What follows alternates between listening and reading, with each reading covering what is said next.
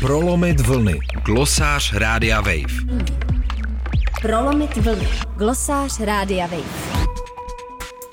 Nejvyšší správní soud uh, minulý týden potvrdil výroky už nižších instancí a řekl, že sexistická reklama nemá v českém veřejném prostoru co dělat. Ten rozsudek říká, že sexuální objektivizace žen je v rozporu s požadavkem lidské důstojnosti.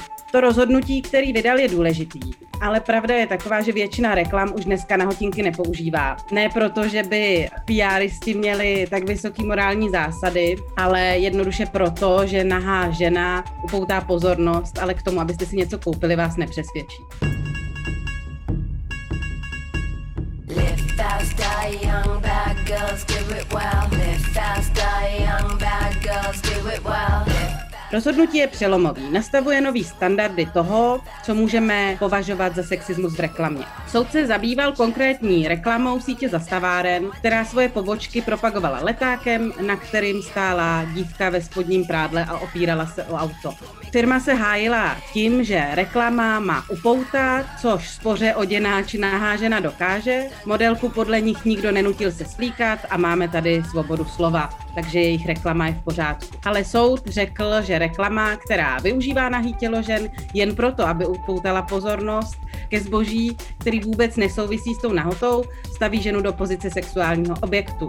Tím se dopouští diskriminace na základě pohlaví, snižuje lidskou důstojnost a podle slov soudu je v rozporu s dobrými mravy.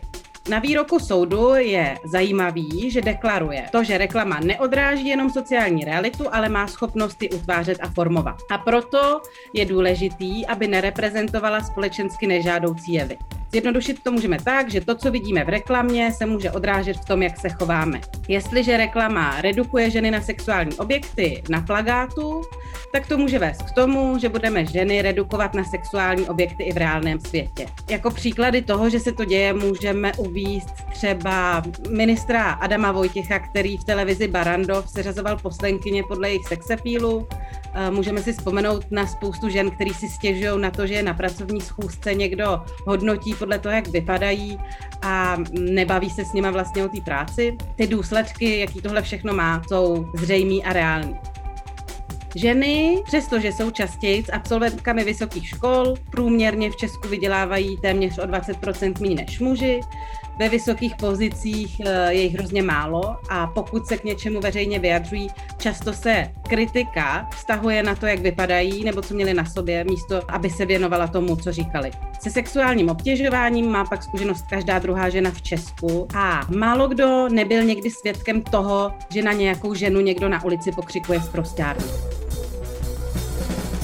Zřejmě máte zažívací potíže, že? A trpíte menstruačními bolestmi. Ano, a k tomu bolest hlavy a do toho ty vaše začínající vrázky. Co vaše řasy? Měly by mít efekt 4D. Vaše pokožka je dostatečně jemná. Jak to, že váš Rozsudek jako takový je důležitý, ale přichází trochu pozdě, protože reklamní agentury už dávno zjistili, že torčení sex sales neplatí. Nahota nás zaujme, ale pokud ji přidáme k nesouvisejícímu produktu, lidi si nezapamatují tu věc, kterou se ta reklama snaží prodat, ale zapamatují si tu nahou ženu. A tak se reklama s mnadnýma, polonahejma dívkama stává trapnou vizitkou plagátů a obrázků, který malým firmám s majiteli bez kusu vyrobí kamarád, co náhodou umí s Photoshopem.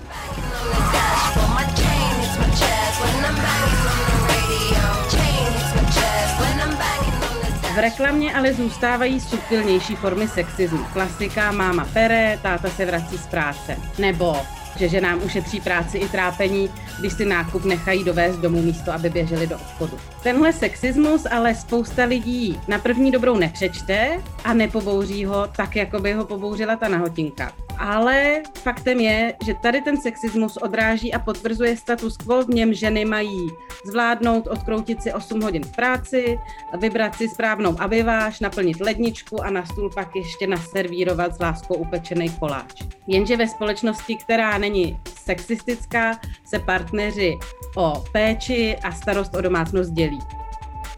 Studie dokonce ukazují, že reklamy, které jdou proti stereotypům, mají lepší výsledky, takže jich asi bude přibývat.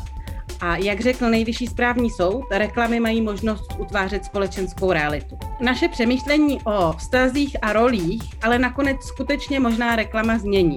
A nebude to kvůli nějaký cenzuře nebo politické korektnosti, kterou spousta lidí vytahuje ve chvíli, kdy se v reklamě myhne nějaký černoch nebo muž, co pere. Bude to proto, že se ukazuje, že na tomhle se dá vydělat. A ač se to mnohým nelíbí, svět, kde si každý můžeme vybrat, co budeme dělat, kde uh, nejsou ženy jenom sexuálním objektem nebo otrokem domácnosti, takový svět je ve skutečnosti většině lidí bližší.